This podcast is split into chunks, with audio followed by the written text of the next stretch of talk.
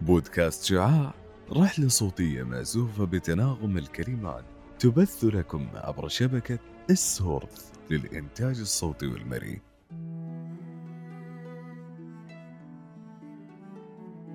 أهلا أنا ضحى عبد الرحمن ومن بودكاست شعاع أحييكم في حلقة اليوم. طائرة شعاع ستهبط في الجزء الشرقي من قارة آسيا. إلى الدولة التي تعد لغتها أقدم لغة في العالم وعدد أحرفها كبير وحسب المعلومات أن واحد من كل ستة أشخاص يتحدث بهذه اللغة. نعم إنها اللغة الصينية.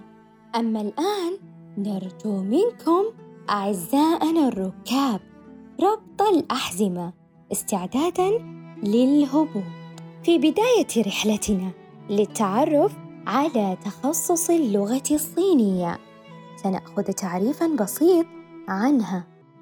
اللغة الصينية تعتبر من اللغات الآسيوية الناهضة لذلك يسعى التخصص إلى جعل الطالب يتمكن من الكتابة والقراءة والاستماع باللغة الصينية وتقوية المهارات اللغوية بالحديث وأيضا القدرة على قراءة النصوص المتعلقة بحضارة الصين والتفاعل مع ثقافة وأدب اللغة.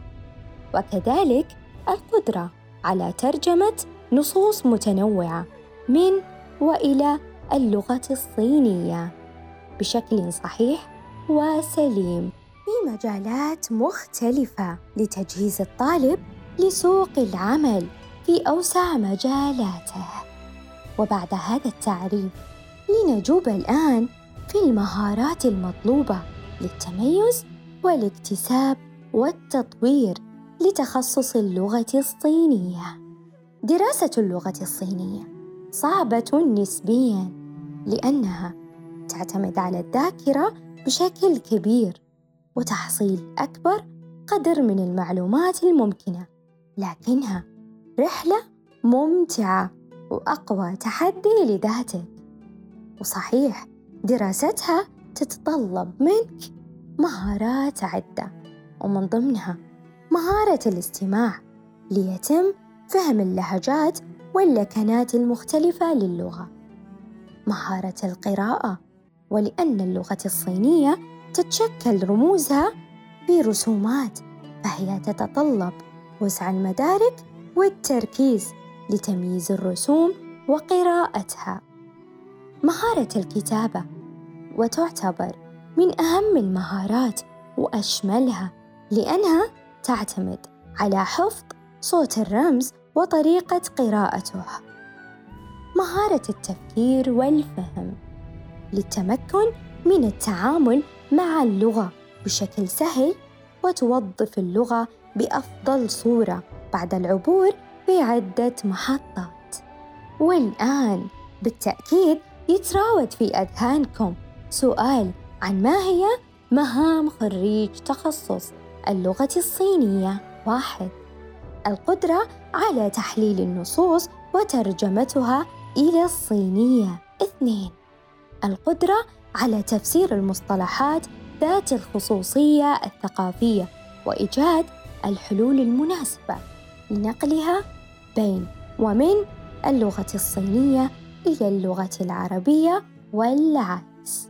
ثلاثة تحمل المسؤولية في مواصلة تعلمه الذاتي والاطلاع على كل ما هو جديد وحديث في مجال الدراسات اللسانية والترجمة. أربعة القدرة على توصيل المعلومات بين الأفراد والجماعات. خمسة وأخيرا القدرة على استخدام التقنية الحديثة في البحث عن مصادر المعلومات والاطلاع على كل ما هو جديد في اللغة. والآن من المهم جدا للمهتمين بالتخصص معرفة الجامعات والكليات التي يتوفر بها التخصص بالمملكة العربية السعودية. واحد جامعة الملك سعود في الرياض. اثنين جامعة الأميرة نورة في الرياض.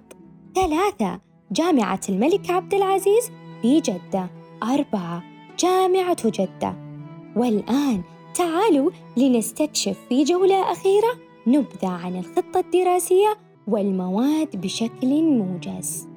في أول أربع مستويات يتم دراسة أساسيات اللغة وهي القراءة، الكتابة، الاستماع، المحادثة والصوتيات والقواعد.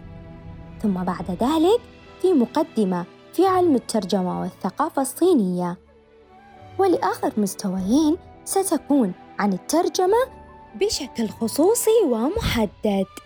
أخيراً هبطت طائرتنا طائرة شعاع وعادت إلى أرض الوطن أما أنتم فهل ستسافرون لتعلم اللغة الصينية أم لا؟